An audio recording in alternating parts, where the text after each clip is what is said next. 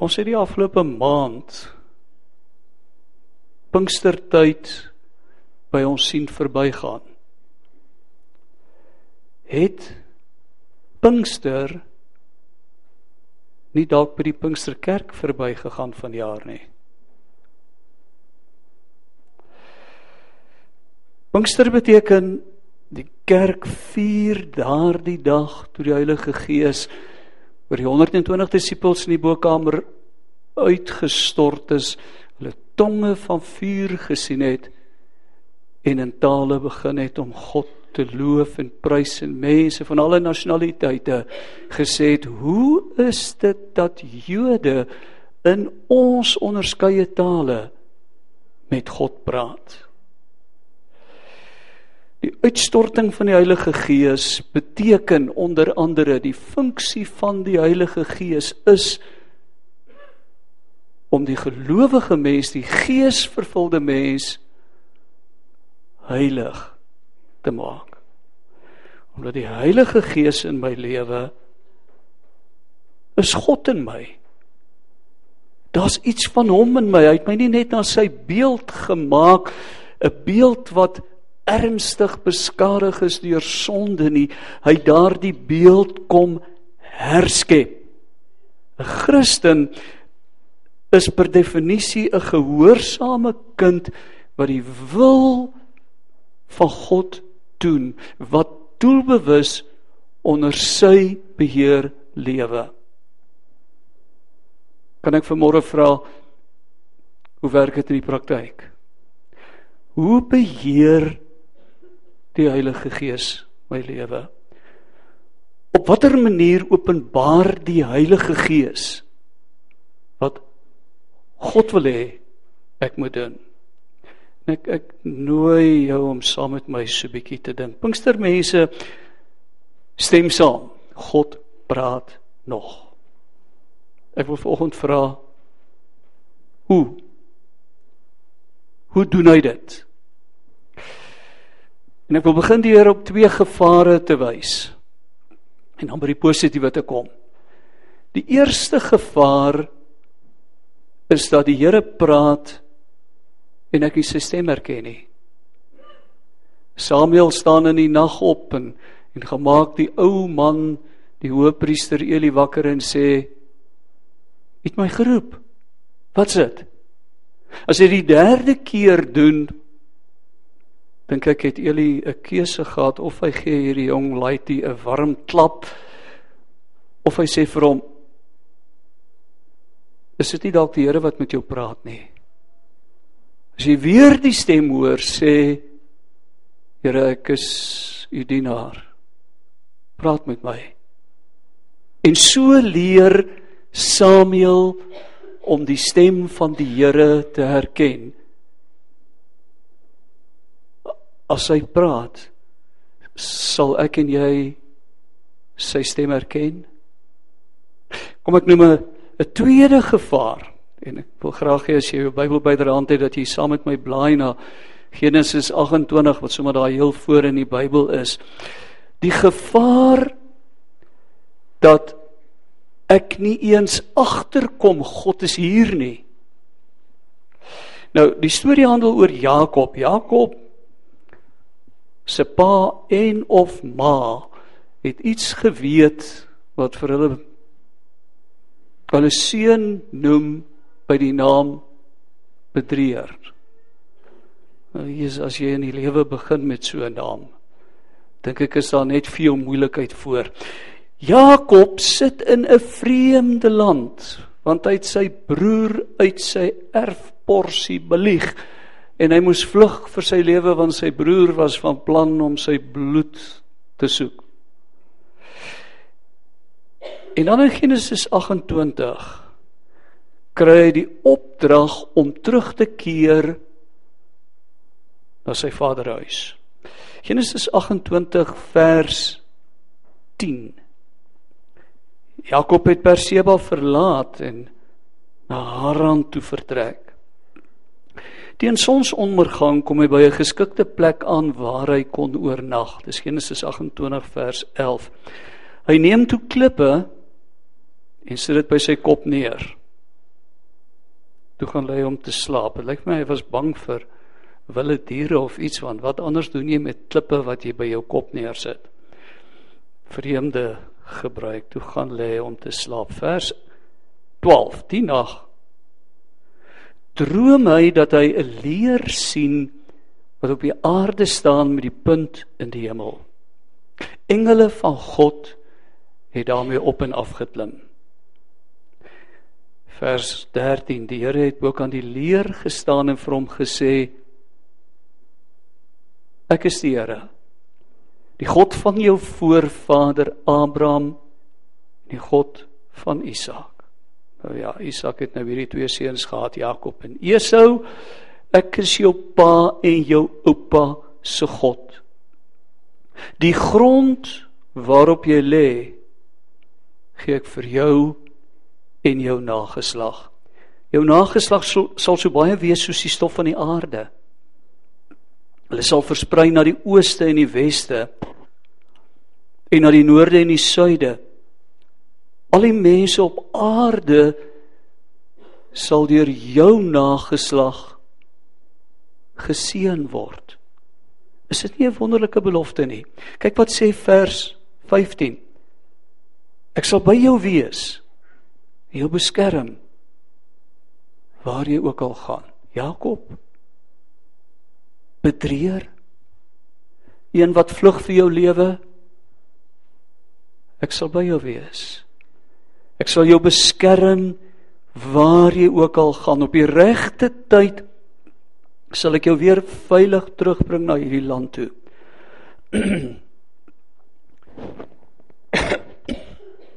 ek sal jou nie verlaat nie, maar doen wat ek beloof het. Jacques, jy sit daar niks doen, gaan haal vir my glas water, sal jy asseblief. Toe Jakob wakker word, vers 16 sê hy Ja, hy sit in slaap, kan jy glo? So waar? Toe Jakob wakker word, sê hy so waar. Die Here is op hierdie plek. En ek het dit nie geweet nie. Die Here is op hierdie plek en ek het dit nie geweet nie. Hy het bang geword en gesê: "Hoe skrikwekkend is hierdie plek?" Dis niks anders nie as die woning van God, die poort na die hemel. Die volgende oggend, vers 18, staan hy vroeg op. Hy neem die klip by sy kop. En sit dit reg op as 'n gedenkteken. Daarna gooi hy olie daarop uit. Hy noem die plek Bethel. Huis van God. Die dorp daar naby was voorheen bekend as Lus. En dan natuurlik as Israel die land herwin, nadat die Here hulle uit Egipte bevry het, dan is Bethel een van die stede in die land. Die Here was daar. Maar ek het dit nie agtergekom nie. Ek het nie uitgekyk daarvoor nie want ek het dit nie verwag nie. Ek het 'n idee. Ag dankie man, jy's eintlik 'n oulike ou. Want hy bring sommer 'n water en 'n bottel. Dankie Jacques.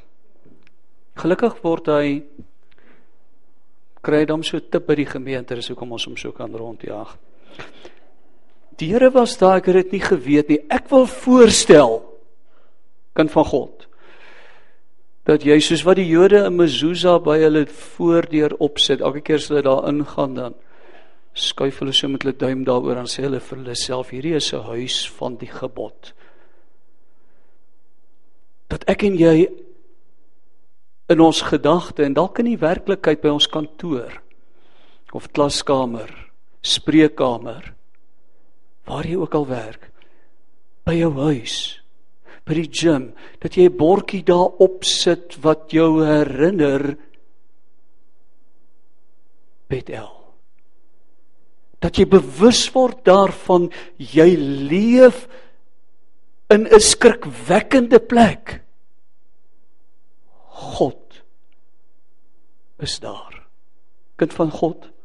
Ons leef in 'n wêreld waar God is. Ons leef in God. Klink altyd vir my so verkeerd om te sê die Here is in my want hy's so groot. Ek is maar net so 'n klein stukkie van wat hy op aarde van wie hy op aarde is. Ek wil voorstel dat ons by ons lesenaar en in die kombuis en in die slaapkamer 'n bordjie opsit wat sê luister. En ons elke keer as ons dit sien onsself daaraan herinner ek is in die Here se wêreld en hy praat nog. Maar die kans is goed dat ek of nie sy stem herken nie of nie agterkom dat hy hier is en dat hy met my praat nie. Onthou, God praat dikwels nie met hoorbare woorde nie. En dit kan hy doen in in Jakob se drome het dit gedoen, maar baie dikwels deur ons gedagtes. Ek wil graag vanmôre jou op die plek bring waar jy iets anders raak sien dat die manier waarop ons dink God se gedagte word dat ek so onder sy beheer leef dat my gedagte sy gedagte word. Hy rig my gedagtes maar hoe dikwels hoor ons dit nie? Want ons is nie aanwesig nie want ons is nie bewus van sy teenwoordigheid nie. Ek is nie beskikbaar nie. Hoeveel keer het ek nie al in die kerk gesing? En as iemand vir my vra wat het jy gesing agterna dan sal ek sê lekker maar ek weet nie wat ek gesing het nie hoeveel keer het dit gebeur dat ons aan tafel gebid het Ons as ons begin eer dan sê ons het ons al gebid. Kan nie regtig baie mooi onthou nie. Ons hoor nie wat ons is nie afwesig nie. Ek het 'n ernstige probleem en ek soek na 'n oplossing. Dis krities belangrik net om agterna agter te kom. Ek het nooit daaroor gebid nie. Ja, dis waar. Gary Player is by geleentheid gevra, wat is die die rede vir sy sukses as golfspeler en en terloops, hy sal in sy 80's en hy gym elke dag nog steeds 'n uur en 'n half. En hy het gesê die geheim van my sukses the more I practice the better I get hoe meer jy daarop ingestel is om die van die Here te hoor, om die werking van sy gees in jou lewe te ervaar, hoe duideliker word dit vir jou. Hoe helderder word hierdie stem. God praat ook deur 'n mens se gewete. Wat jou oortuig iets is verkeerd wat jy oorweeg. Of hy oortuig jou in 'n oomblik van nood. Ek is by jou. Ek hou jou vas. Ek beskerm jou. Hy praat nog steeds deur drome en visioene. Hy lê nog steeds op sommige mense se hart 'n visie van hoe die samelewing verander kan word deur energie daaraan te spandeer en deur 'n klomp mense te mobiliseer om dit te doen. Hy praat nog steeds wat saak maak is dat ek en jy natuurlik sal agterkom dis hy en dat hy praat dat ons doelbewus na hom sal luister in een van sy novelles laat George Bernard Shaw sy karakter die woorde gebruik the voice speaks to you all the time you just fail to listen you just fail to listen waarvoor moet ons luister ja wanneer ek 'n besluit moet neem en die aangesig van die Here soek kan hy met my praat. Maar ek wil sê Dis die uitsondering want nie almal van ons neem elke dag besluite wat waarby miljoene betrokke is. Ek het nou hierdie week kan ek maar so 'n bietjie eers wegkom van die preek en 'n storie vertel Noorweegse gaste gehad en een van hulle vertel 'n oulike storie. Hy vertel van hierdie vliegtyg wat val naby 'n tropiese eiland en net twee mans oorleef en hulle swem uit. Die een ou hardloop van die een kant na die ander kant. Hy's hysteries. Hoe gaan daar's nie 'n mens op die eiland nie. Wie gaan ons ooit hier ontdek? En hy maak hout bymekaar en hy steek dit aan die brand dat daar tog net rook is laat iemand wat verbykom kan sien hier's lewe. En die ander ou vat 'n heerlike swem in die warm seewater en hy lê in sonbaai en hy eet vrugte wat op die eiland is. En een wat so gespanne is kom by hom en sê: "Wat gaan met jou aan? Hoe kan jy hier lê en dit geniet? Ons is alleen, ons gaan nie dood op die ou end." Nou sien jy weet jy wat? Ek is 'n baie ryk man. My beleggings verdien 100 miljoen dollar 'n jaar en ek gee 10 miljoen jaar tiende elke jaar en die pastoor sal my binne enkele dae opspoor.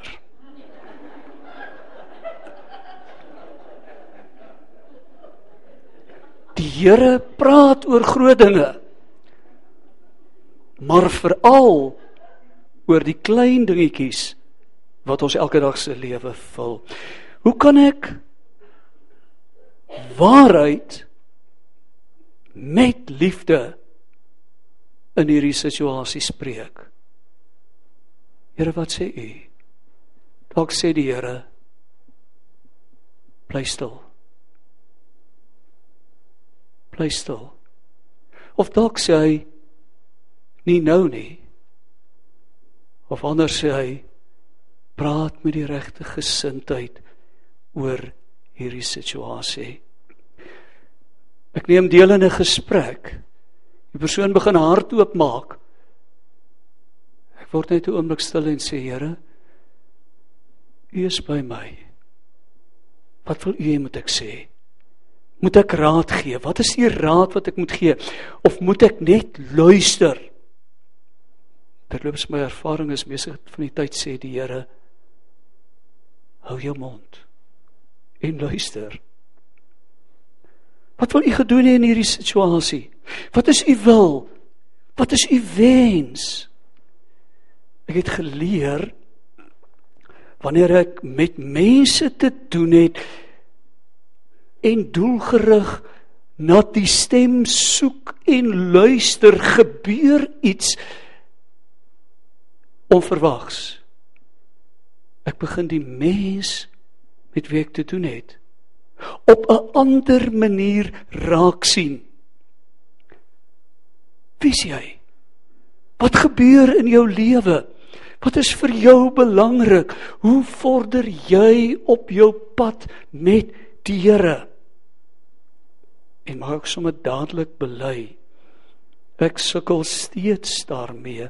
Ek is nog maar nie verby graad R wanneer dit kom daarby om selfsug te oorwin wat van nature my lewe bepaal nie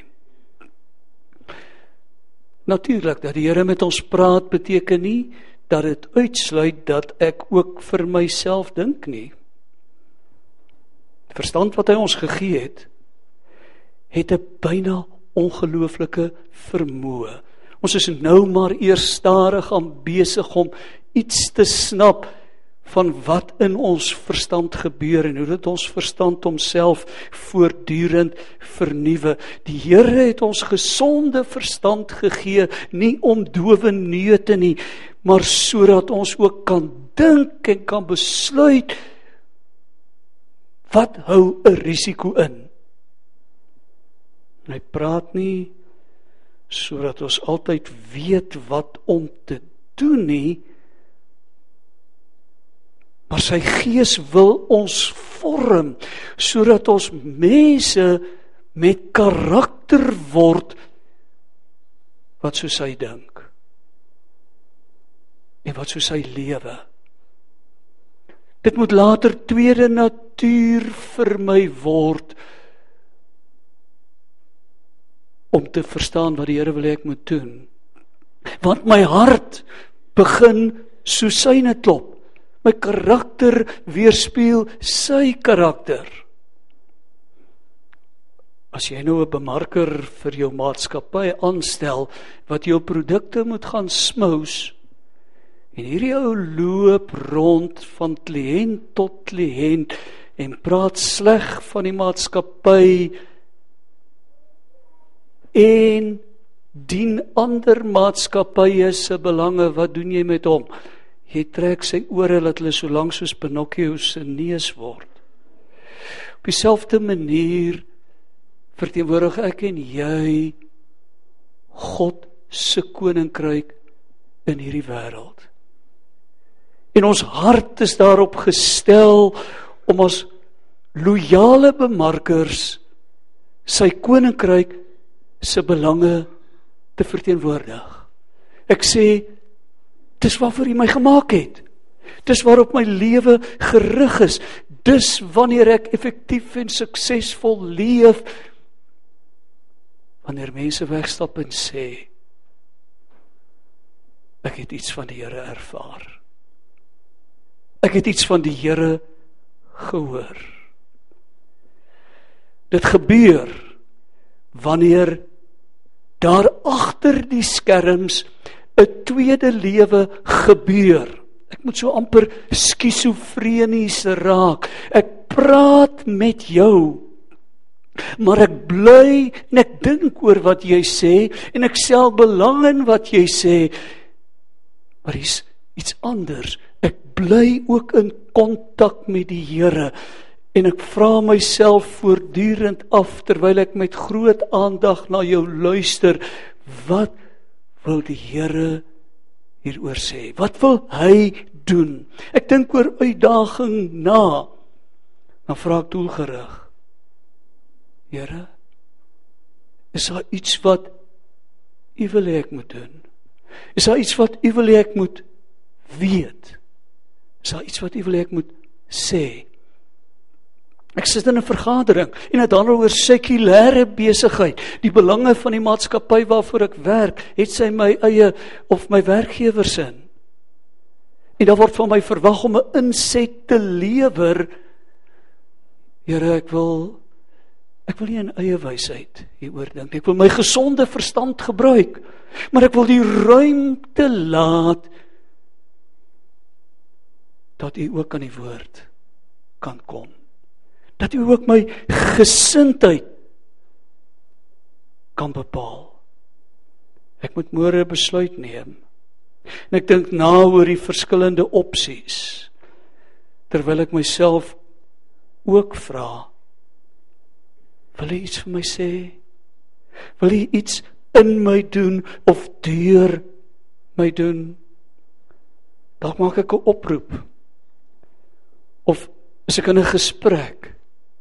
En dit kom in my hart op, hierdie mense het 'n woord van bemoediging nodig, want die Heilige Gees, as ons hom toelaat, hy is hier.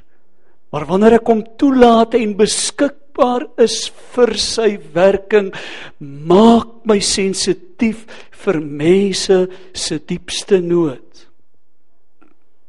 En as ek niks hoor nie, dan vertrou ek dat die Here nog steeds in my werk, ook deur my denke.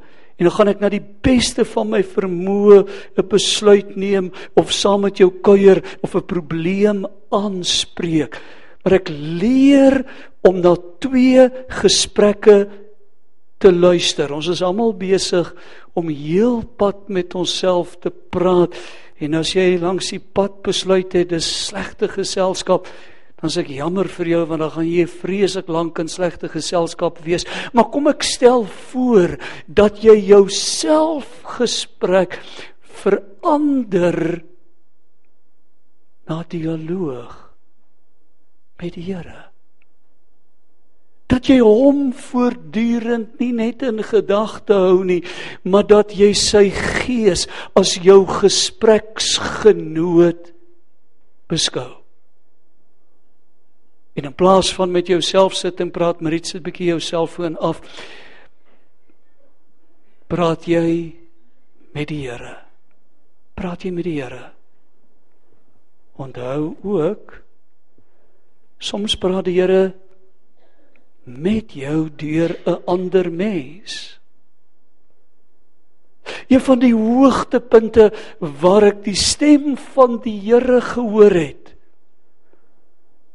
was ek 'n klein babatjie uit haar maag oorlag het. Die stem van die Here. Soms praat hy met jou oor iets wat jy oor die radio sien. Op hoor of selfs oor die televisie sien deur 'n advertensie. Onthou jy werk vir 'n maatskappy en die CEO van hierdie maatskappy verwag van jou om lojaliteit aan die dag te lê wanneer jy sy maatskappy by kliënte verteenwoordig. Tweede laaste opmerking. Party dinge moet ons weet sê die Here gewoon vir ons niks hoor nie. Here ek bly saam met 'n ander mens. Wat wil u hê moet ek doen? Ek vermoed jy gaan vergeefs luister want hy het klaar gepraat. As hy iets wil sê, dan wil hy sê gaan kyk wat sê my woord oor die huwelik en oor saam bly. Hy het lankal 'n morele kode neergelê wat hoegenaamd nie ingewikkeld is nie. 'n Kind kan dit snap. Wat vir sy kinders geld. En nou bly jy in sonde en wil jy met my kom onderhandel daaroor. Ek het klaar daaroor gepraat. 'n Laaste opmerking. Indien jy nie 'n nota skryf en neerskryf wat die allerbelangrikste persoon wat daar in die heelal is vir jou sê nie. Indien jy nie daardie oproep maak wat hy op jou hart lê of daardie vraag stel wat die stem op jou hart lê nie. Wees dan gewaarsku jy onderdruk die Heilige Gees in jou. Volgende keer is daardie stem bietjie stiller. En daarna jy dit herhaal nog stiller. In Efesiërs 4 vers 13 sê moenie God en dit kom uit die boodskap se vertaling moenie God se Heilige Gees hartseer maak nie moet hom nie betroef nie. In die regte verhouding met die Heilige Gees lê julle waarborg dat julle God se verlossingsdag sal belewe. Ek sluit af. Die Heilige Gees in ons is God by ons. Hy lei ons. Hy vorm ons. Hy praat met ons. Hoeveel keer is ek en jy bewus van sy teenwoordigheid? En hoeveel keer hoor ons sy stem? Kom ons gaan saam bid.